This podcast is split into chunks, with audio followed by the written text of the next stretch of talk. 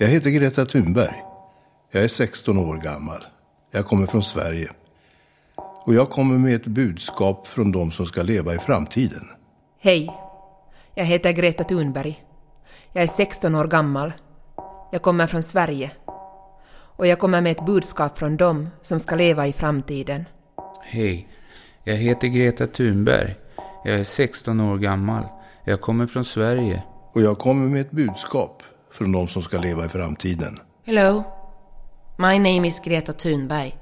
I'm 16 years old. I come from Sweden. And I speak on behalf of future generations. Många av er vill inte lyssna på oss. Ni säger att vi bara är barn. Men det vi säger är bara en upprepning av vad världens samlade expertis inom klimatforskning redan sagt. Det finns också de som oroar sig för att vi slösar bort värdefull lektionstid. Det här är en strejk. Om det inte redan framgått. Jag försäkrar att vi kommer att återvända till skolan i samma ögonblick som ni börjar lyssna till vad vetenskapen säger och se till att vi har en framtid att se fram emot.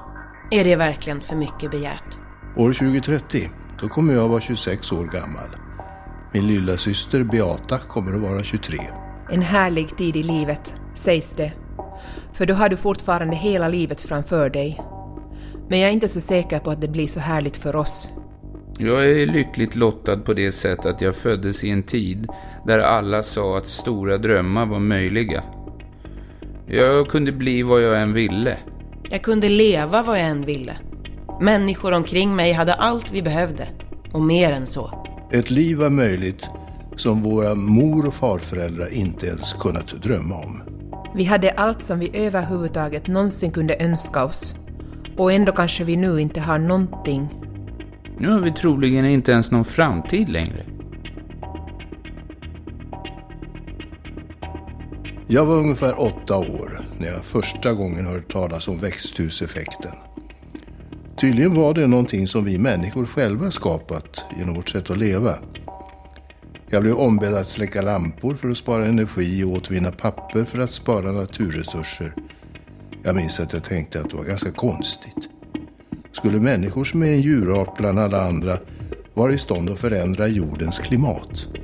För om det verkligen höll på att hända så skulle vi väl inte tala om någonting annat. Så fort man slog på TVn så skulle väl allt bara handla om det. På skyltar, i radio, i tidningarna. Du skulle väl aldrig ens höra om någonting annat än detta. Det skulle vara det enda som alla talade om, hela tiden. Som om det pågick ett krig. Men det var aldrig någon som talade om det vid den tiden. Aldrig någonsin. Om det var så farligt att använda olja och kol så att det hotade själva vår existens, hur skulle vi då bara kunna fortsätta som tidigare? Varför fanns det inga regler? Varför var det inte förbjudet? Jag fick helt enkelt inte ihop det. Det var så overkligt alltihop. Kanske tycker du att det jag säger låter väldigt svartvitt.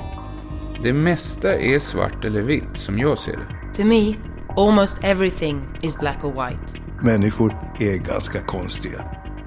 De säger om och om igen att klimatförändringarna är ett existentiellt hot och den viktigaste frågan av alla. Ändå fortsätter allt precis som vanligt.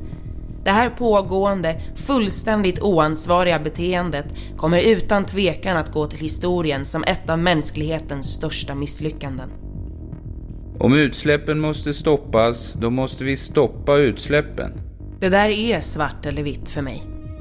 Det finns ingen gråskala när det handlar om överlevnad. Antingen har vi en framtid som civilisation eller så har vi inte det. Vi måste ändra vårt beteende. Annars kommer vi inte ha någon framtid. För den framtiden såldes. Så att ett litet antal människor skulle kunna tjäna så mycket pengar att det inte ens går att föreställa sig. Den framtiden stals från oss av dem som sa att det gäller att sikta högt. Eller, man lever bara en gång. Ni ljög för oss, ni gav oss falska förhoppningar. Ni sa att framtiden var något att se fram emot. Är min mikrofon på? Hallå? Kan ni höra mig? Ungefär år 2030. Det är om nio år och x dagar och y timmar, ni får räkna själva, så kommer vi att vara i en situation där vi har startat en kedjereaktion som mänskligheten inte kan hejda. Det vi talar om är alltså att ha startat en kedjereaktion som inte går att hejda. För den är bortom mänsklig kontroll. Jag säger alltså bortom mänsklig kontroll. Och den kommer högst troligen att leda till vår civilisations undergång. Detta kommer att inträffa om det inte innan dess sker permanenta förändringar av våra samhällen av en omfattning som vi aldrig tidigare sett och att vi samtidigt minskar våra utsläpp av koldioxid med minst 50 procent. Och lägg märke till att de här beräkningarna utgår ifrån att vi lyckas få fram ett flertal uppfinningar som vi ännu inte uppfunnit. Uppfinningar vars syfte är att rena atmosfären från astronomiska halter av koldioxid. Dessutom kan dessa beräkningar inte ta med i kalkylen oförutsedda så kallade tipping points, klimatskiften utan återvändo och feedback loops, händelser som förstärker nya händelser, som till exempel när metangaser frisläpps när den arktiska permafrosten smälter till följd av växthuseffektens uppvärmning av klimatet. De extremt kraftfulla metangaserna bidrar i hög grad till växthuseffekten och en loop bildas. Jag kommer återkomma till det där. Vi måste också komma ihåg att detta bara är beräkningar. Uppskattningar.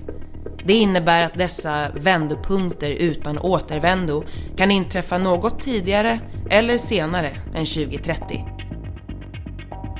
Hörde ni vad jag just sa? För jag börjar undra. Is my English okay? Kan ni höra mig? Hello? I hope my microphone was on. I hope you could all hear me. Jag heter Greta. Jag heter Greta. Jag heter Greta. I'm Greta.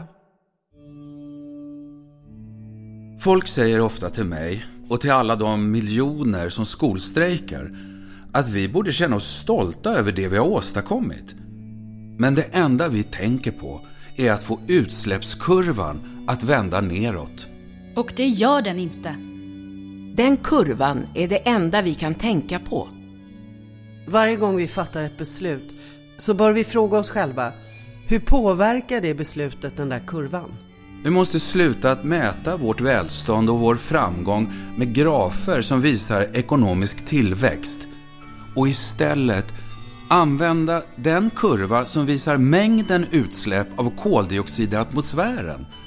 Den heter Keelingkurvan. Vi kan inte längre bara fråga oss om vi har tillräckligt med pengar för att genomföra något vi vill göra. Vi måste också fråga oss om vi har tillräckligt mycket kvar av vår koldioxidbudget för att kunna genomföra projektet. Den frågan måste utgöra själva hjärtat av vår nya ekonomi. Det är rätt många människor som säger att vi som skolstrejkar bara klagar. Att vi inte har några lösningar på klimatkrisen. Och de har rätt. För hur skulle vi kunna lösa den? Hur löser du det största hot som mänskligheten någonsin stått inför? Hur löser du krig? Hur löser du att åka till månen för första gången? Hur löser du att uppfinna nya uppfinningar? Klimatkrisen är både den enklaste och den svåraste uppgiften som mänskligheten någonsin har varit tvungen att konfrontera. Enklaste på det sätt att vi vet vad vi måste göra. Hejda utsläppen av växthusgaser. Svåraste, eftersom vår ekonomi fortfarande är helt beroende av att bränna fossila bränslen, kol, olja och naturgas och därmed förstöra vårt ekosystem bara för att skapa evig ekonomisk tillväxt. Så exakt, hur går ni tillväga för att lösa det? Ni frågar oss det. Vi barn som skolstrejkar för klimatet. Och vi svarar, ingen vet säkert. Men det vi vet är att vi måste sluta bränna fossila bränslen. Och vi måste hjälpa naturen att återhämta sig och göra en rad andra saker som vi inte riktigt vet vad det är ännu. Och då säger ni, det där är inget svar. Och vi säger, vi måste börja betrakta den här krisen som en kris och agera även om vi ännu inte har alla lösningar. Det där är fortfarande inget svar, säger ni. Då vi börjar tala om cirkulär ekonomi som är inspirerad av naturens kretslopp där avfall inte existerar utan betraktas som en råvara som kan återanvändas eller energiutvinnas. Då vi talar om rewilding nature, det betyder att låta naturen återvända och i högre grad ta hand om sig själv. När vi talar om just transition, som handlar om att alla jobb, gamla som nya, ska vara gröna med anständiga villkor. Då fattar ni inte ett ord av vad vi talar om. Vi säger att alla de åtgärder som kommer att krävas är ännu inte kända och att vi därför måste stå enade bakom vetenskapen och arbeta tillsammans för att hitta lösningar längs med vägen. Men ni lyssnar inte på det. För det sättet att tänka är för att lösa en kris som de flesta av er inte ens kan omfatta eller inte ens vill förstå. Ni lyssnar inte till vad vetenskapen säger, för ni är bara intresserade av lösningar som möjliggör för er att fortsätta precis som innan. Som nu. Och de svaren existerar inte längre. För ni agerade inte medan tid var. Att undvika ett klimatsammanbrott kommer att kräva tankar som ryms inuti en katedral där det finns en grund men där ännu ingen räknat ut hur vi ska kunna bygga ett tak. Ibland måste man helt enkelt bara hitta ett sätt. I samma ögonblick som vi bestämmer oss för att göra någonting så kan vi klara av nästan vad som helst. Och jag är säker på att när vi börjar bete oss som om vi vore i en kris så kan vi undvika en ekologisk katastrof. Människan är bra på att anpassa sig. Vi kan fortfarande klara av det här. Men den öppningen kommer inte att finnas så länge till. Vi måste börja idag. Våra ursäkter håller på att ta slut. Vi som är barn idag offrar inte vår utbildning och vår barndom för att få höra vad ni anser är politiskt möjligt inom ramarna för de samhällen ni har skapat. Vi har inte givit oss ut på gatorna för att ni ska ta selfies med oss och säga att ni beundrar vårt engagemang. Vi som är barn gör det här för att ni som är vuxna ska vakna. Vi barn gör det här för att ni ska sätta era meningsskiljaktigheter åt sidan och börja agera som ni skulle ha gjort i ett nödläge. För det är ett nödläge. Vi barn strejkar för att vi vill ha vårt hopp och våra drömmar tillbaka. Jag hoppas att min mikrofon var på. Jag hoppas att ni alla kunde höra mig. Vårt hus faller ihop. Och våra ledare måste agera utifrån detta faktum. Men som det är just nu så gör de inte det. De gör ingenting. Om vårt hus håller på att kollapsa kan det inte fortsätta som det gör idag. De skulle behöva förändra nästan varenda del av sitt beteende. Precis som vid ett nödläge. Hör ni mig?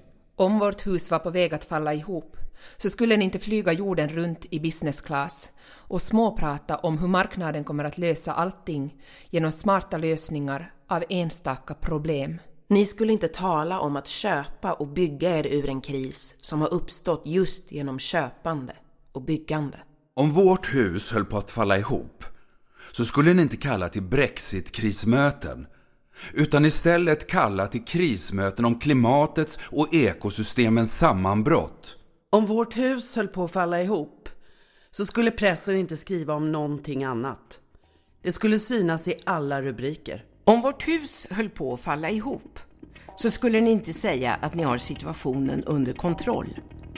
Och ni skulle inte förlita er på att uppfinningar som ännu inte uppfunnits ska garantera livsvillkoren för alla nu levande och kommande livsformer på denna jord. Om väggarna i vårt gemensamma hus verkligen föll ner, visst skulle ni väl då samarbeta istället för att brexitbråka? Nu är det ju så att vårt hus verkligen håller på att falla ihop.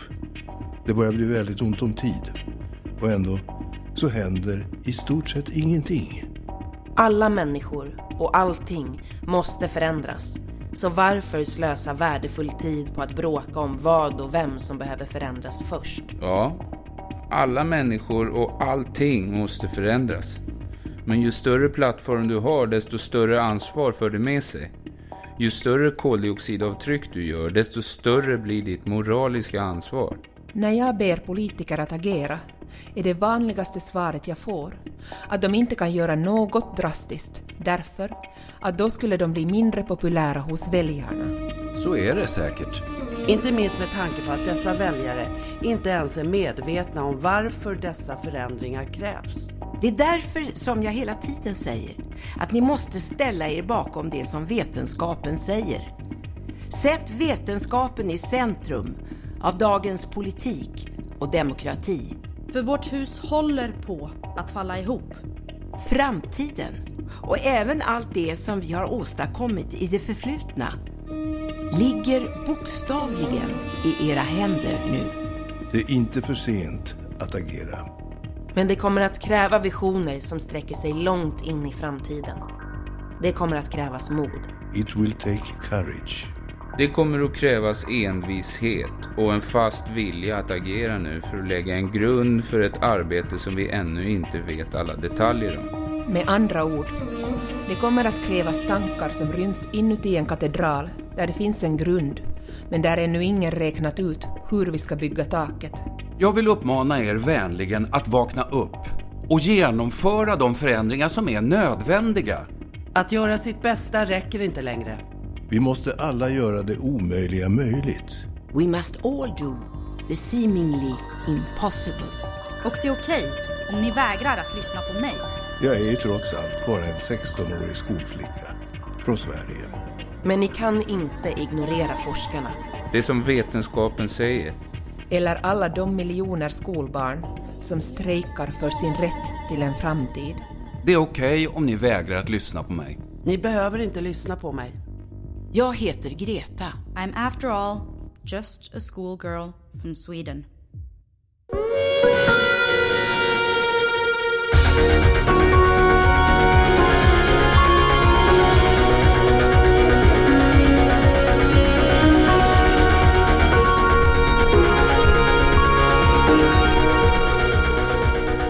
Många människor tror inte på det jag säger. Jag blir inte förvånad över det. Jag förstår att det blir så eftersom de flesta människor inte är fullt medvetna om vidden av klimatkrisen. Vilket är förståeligt med tanke på att den aldrig har behandlats som en kris. En skolstrejk för klimatet uppfattas säkert som något ganska konstigt för många människor. Så låt mig bara förtydliga några saker vad gäller min skolstrejk. I maj 2018 var mitt inskickade bidrag ett av dem som vann en skrivtävling om miljön i Svenska Dagbladet. Jag fick min artikel publicerad och en del människor kontaktade mig, bland annat Bo Thorén från organisationen Fossilfritt Dalsland. Han hade satt ihop en grupp människor, merparten unga, som ville göra något åt klimatkrisen. Jag hade några telefonmöten med andra aktivister. Syftet var att komma på goda idéer kring nya event för att skapa uppmärksamhet kring klimatkrisen. Bo hade några förslag på saker vi kunde göra, allt ifrån demonstrationer till en lös idé om någon sorts skolstrejk. Att skolbarn skulle göra något på skolgårdar eller i klassrummen. Idén var inspirerad av studenterna vid Marjorie Stoneman Douglas High School i Parkland, Florida, som vägrade att återvända till skolan efter en skolskjutning den 14 februari 2018. Jag gillade idén att skolstrejka. Så jag utvecklade den idén och försökte få andra unga att haka på. Men ingen var särskilt intresserad av det. De menade att en svensk version av Zero Hour March skulle få mycket större uppmärksamhet. Jag fortsatte därför att planera strejken på egen hand och deltog inte i några fler möten. Den 20 augusti satte jag mig utanför riksdagshuset med en skylt Skolstrejk för klimatet. Jag delade ut flyers med en lång rad fakta om klimatkrisen och förklarade varför jag strejkade. Det första jag gjorde var att lägga ut aktionen på Twitter och Instagram och det blev snart viralt. Journalister och tidningar dök upp. Det finns de som verkligen gillar att sprida ut ett rykte som går ut på att jag har folk bakom mig eller att jag är betald eller utnyttjad på grund av vad jag gör. Men jag har ingen som står bakom vad jag gör. Förutom jag själv. Ibland har jag stött eller samarbetat med olika organisationer som inte stöds av någon regering och som arbetar med klimat och miljö, så kallade NGOs, Non-Governmental Organizations. Men jag är helt oberoende och jag representerar bara mig själv. Och det jag gör är helt ideellt. Jag har aldrig mött en enda klimataktivist som kämpar för klimatet för egen ekonomisk vinnings skull. Den idén är fullständigt absurd. Och jag, jag skriver mina egna tal. Men eftersom jag inser att vad jag säger kommer att nå väldigt många människor så ber jag ofta om input. Jag har kontakt med några forskare som jag regelbundet ber om hjälp med hur jag ska uttrycka vissa komplicerade förhållanden. Jag vill att det jag säger ska vara fullständigt korrekt så att jag inte sprider felaktiga fakta eller säger saker som kan missförstås. Sen är det de som klagar över att jag låter och skriver som en vuxen. Till er kan jag bara säga, tror ni inte att en 16-åring kan tala för sig själv? En del säger att jag framställer komplicerade frågor alldeles för förenklat. Till exempel när jag säger klimatkrisen är en svartvit fråga eller vi måste stoppa utsläppen av växthusgaser eller jag vill att ni ska få panik. Jag säger det bara för att det är sant. Det stämmer att klimatkrisen är den mest komplexa frågan som vi någonsin har ställts inför. Och att det kommer att kräva stora uppoffringar från oss alla för att stoppa den. Men lösningen är svartvit. Vi måste stoppa utsläppen av växthusgaser. För antingen begränsar vi uppvärmningen av jorden till 1,5 grad över den förindustriella nivån, eller så gör vi inte det. Och när jag säger att jag vill att ni ska få panik så menar jag att vi måste behandla den här krisen som en kris. När ditt hus brinner sätter du ju dig inte ner och pratar om hur fint det kan bli när du släckt elden och byggt upp huset igen. Om ditt hus brann skulle du springa ut och se till att alla är i säkerhet och sen skulle du ringa brandkåren. Det kräver ändå en viss nivå av panik. Jag är bara en budbärare. Jag säger ingenting nytt. Jag upprepar bara det som forskare har sagt i årtionden. Och jag håller med dig. Jag är för ung för att hålla på med det här. Vi barn skulle verkligen inte behöva strejka på gatorna över hela världen. Vi barn skulle inte behöva göra det här. Men eftersom nästan ingen gör någonting överhuvudtaget och vår framtid är hotad så känner vi att vi måste fortsätta. Jag är bara en budbärare. Jag är bara en budbärare. Jag är bara en I am budbärare. just a messenger. Och tack alla för ert stöd. Det inger mig hopp.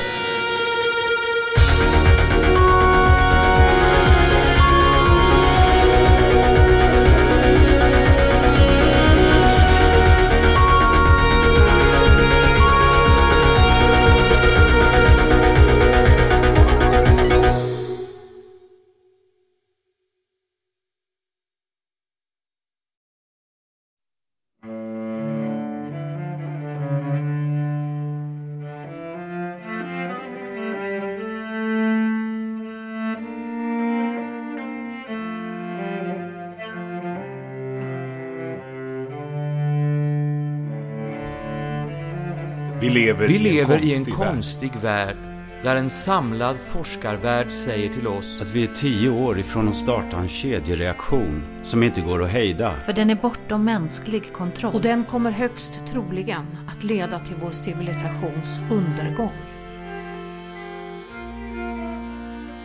I Sverige lever vi som om vi hade 4,2 planeters resurser. Vårt koldioxidavtryck är ett av de tio värsta i hela världen. Det betyder att Sverige varje år stjäl 3,2 år av naturresurser från kommande generationer. Vi som är en del av de kommande generationerna ser gärna att Sverige slutar med det. Nu med en gång! Detta är ett rop på hjälp. Till alla er dagstidningar som fortfarande inte skriver om klimatkrisen. Fastän ni slog fast att klimatet är den viktigaste frågan i vår tid när de svenska skogarna brann förra sommaren. Till alla er som aldrig har Till alla betraktat den här krisen Till alla som en er kris. Som låtsas Till alla er politiker som gör er lustiga över oss Alla på er som varje dag väljer att se och åt ett miljön. annat håll. För att ni verkar vara mer rädda för de förändringar som kan förhindra en katastrofal klimatförändring. Än den katastrofala klimatförändringen i sig självt. Värst av allt är er tystnad. Ansvaret för alla kommande generationers framtid vilar på era Ansvaret axlar. för alla kommande generationers Ansvaret för framtid alla kommande generationers framtid vilar på era axlar. Vi som är barn idag kommer inte kunna ändra på det som ni gör idag. När vi en dag blir de som är vuxna, då är det för sent. Det finns de som säger att Sverige är ett sånt litet land. Så det spelar ingen roll vad vi gör. Men tänk bara på att om några få flickor kan få löpsedlar över hela världen bara genom att inte gå i skolan under några veckor. Tänk då vad vi alla tillsammans skulle kunna uträtta om vi bara ville. Alla människor kan dra sitt strå till stacken. Alla kan bidra på något sätt. I've learned that no one is too small to make a difference. Varenda människa räknas. Precis som varje enskilt utsläpp räknas. Vartenda kilo. Allting räknas. Börja betrakta klimatkrisen som den akuta kris den är och ge oss en framtid, tack. I'm just a messenger. Jag är bara en budbärare.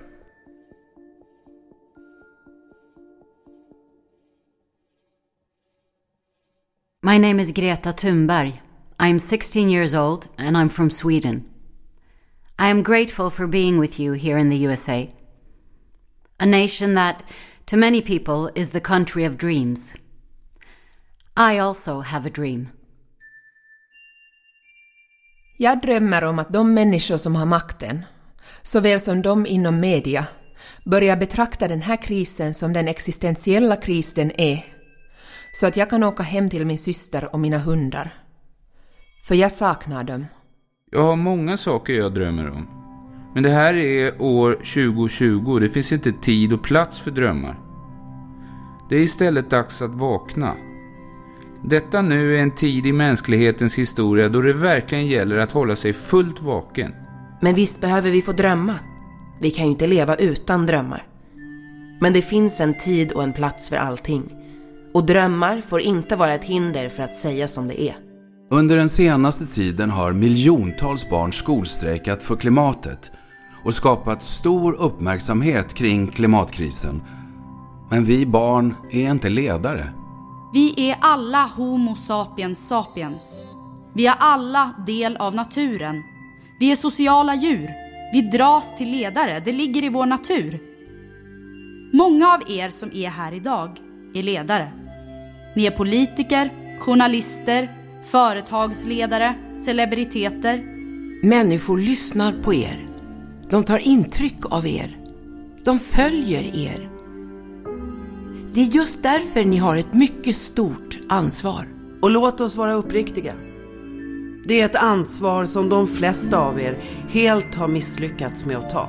Det här handlar inte primärt om att skapa nya gröna jobb, nya marknader och en ekonomisk tillväxt med gröna förtecken. Det här är framförallt ett nödläge och inte vilket nödläge som helst.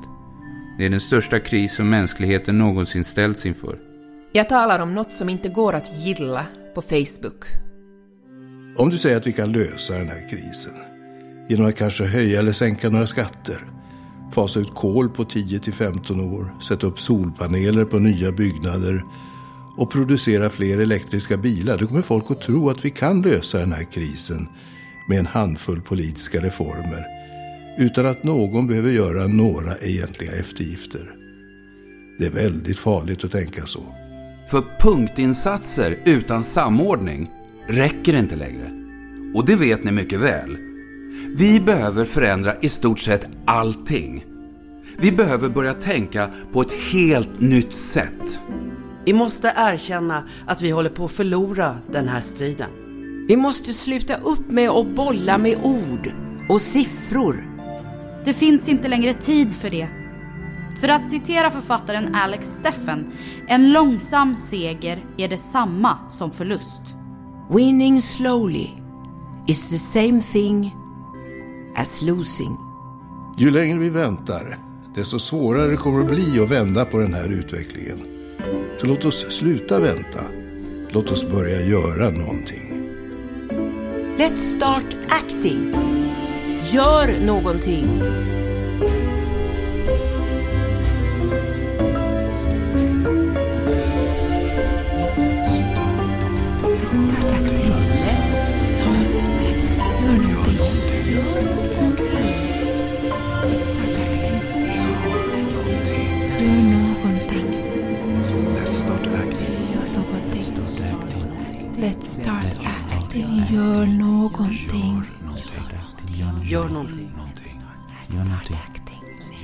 Let's start acting. Om jag lever så länge att jag får fylla 100 år så kommer jag att vara vid liv år 2103. Framtiden, för de som lever idag, ligger sällan längre fram än år 2050. Längre än så kan vi liksom inte föreställa oss. Men då kommer jag i bästa fall inte ens levt halva mitt liv. Vad händer sen? Vad vi gör eller inte gör just nu kommer att påverka hela mitt liv och mina barn och barnbarns liv. Det finns de som säger att vi inte gör tillräckligt i kampen mot klimatförändringarna. Men det är inte sant. För att inte göra tillräckligt så måste man i alla fall först gjort någonting. And the truth is, we are basically not doing anything. Sanningen är att vi i praktiken inte gör någonting. Det stämmer att några människor gör mer än vad de egentligen förmår. Men de är för få och för långt ifrån makten för att kunna göra skillnad. Det sägs att klimatkrisen är någonting som vi alla har skapat. Men det är också en bekväm lögn. För om alla är skyldiga finns det ingen att beskylla. Men det finns de som bär på en skuld. Vissa människor, ett antal företag och beslutsfattare i synnerhet, har vetat precis vad för oersättliga värden de har offrat för att kunna fortsätta att tjäna ofattbart mycket pengar.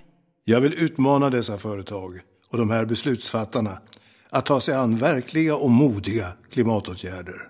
Jag vill se er sätta era ekonomiska mål åt sidan för att istället slå vakt om mänsklighetens levnadsvillkor i framtiden.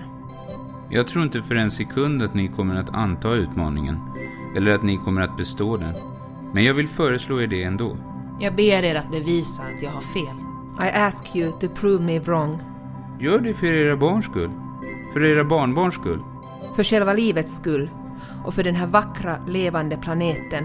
Jag ber er att möjliggöra ett nytt kapitel av mänsklighetens historia. Jag ber er lova att ni ska göra allt som står i er makt för att förmå era egna företag eller regeringar att nå målet att världens uppvärmning stannar vid 1,5 grad. Vill ni lova det? Lovar ni att förena era ansträngningar med mina och alla människor över hela världen och göra allt vad som krävs? År 2078 kommer jag att fira att jag har fyllt 75 år. Om jag får barn så kommer de kanske vara med och fira den dagen med mig. Kanske kommer de att ställa frågor om er. Kanske kommer de att fråga varför ni inte gjorde någonting. Medan det ännu fanns tid. Ni säger att ni älskar era barn över allt annat. Ändå skäl ni deras framtid. Så länge som ni inte fokuserar på vad som faktiskt behöver göras istället för vad som är politiskt möjligt så finns det inget hopp. Vi kan inte lösa en kris utan att först ha erkänt att det är en kris. Vi måste behålla de fossila bränslena i marken och vi måste fokusera på rättviseaspekten. Om lösningar inom de nuvarande systemen inte är möjliga så kanske vi bör ändra själva systemen. Vi har inte kommit hit idag för att be världens ledare att bry sig. Ni har ignorerat oss tidigare och ni kommer att ignorera oss igen. Ni har slut på ursäkter och allas vår tid rinner iväg. Vi har kommit hit för att berätta för er att förändringen är på väg, vare sig ni vill det eller inte. Den verkliga makten ligger hos folket.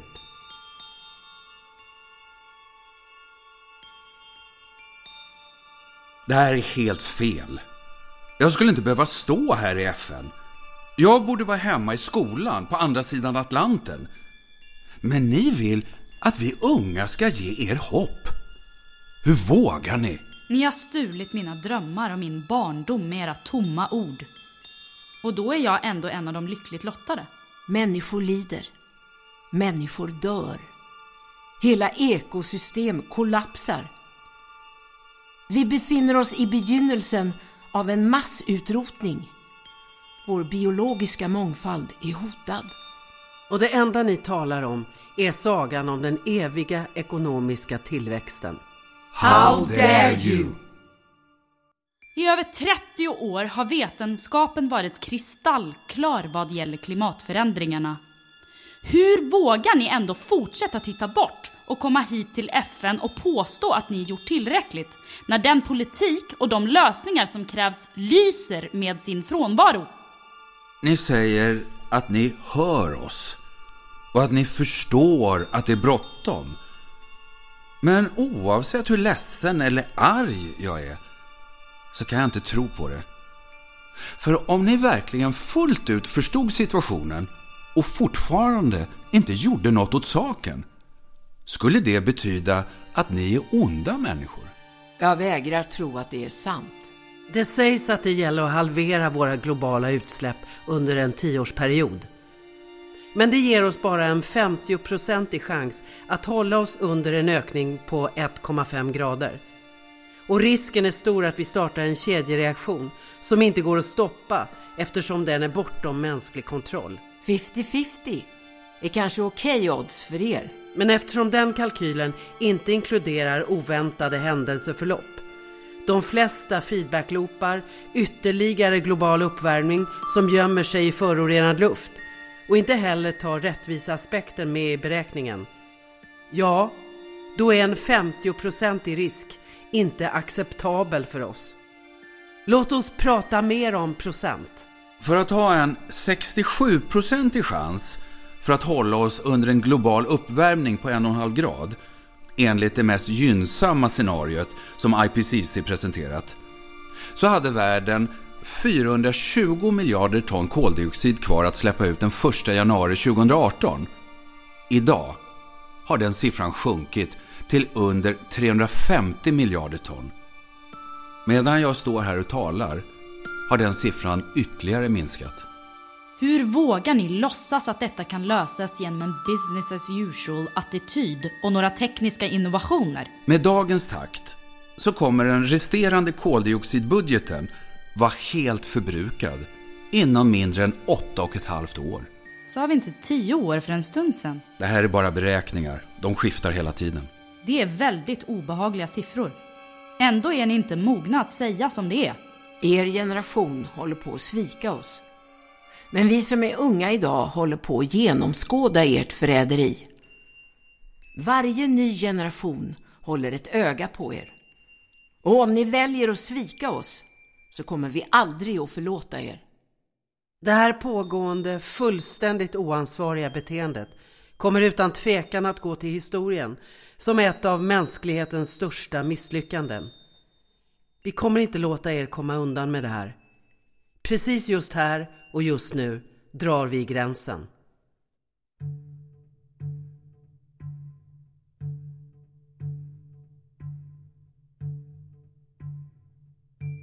Hallå? Jag heter Greta Thunberg. Jag är 16 år gammal. Jag kommer från Sverige. Jag kommer med ett budskap. Från de som ska leva i framtiden.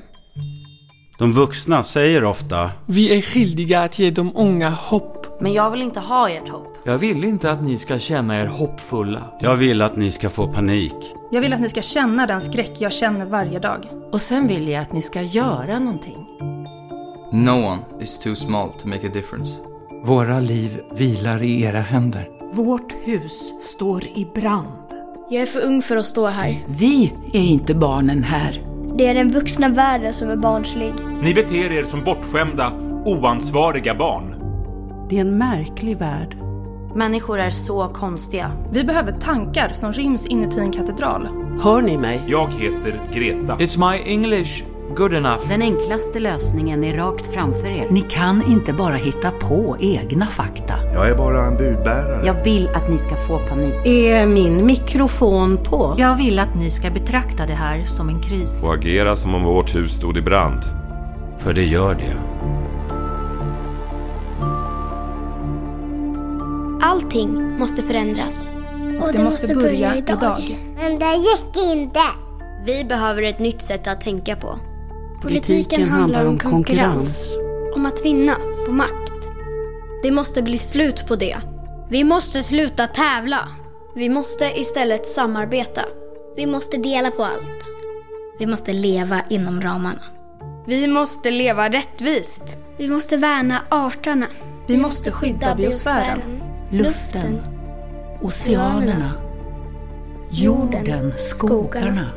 Låter det naivt? Om du har gjort din hemläxa. För det har vi. Så vet du att vi inte har något val.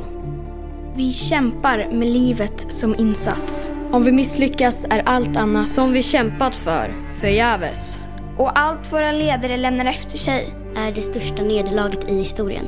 Och de kommer i framtiden framstå. Som de största skurkarna någonsin. För de lyssnade inte. Men det behöver inte bli så. Det finns ännu tid att förändras. Jag är för ung för att stå här. Hör ni oss?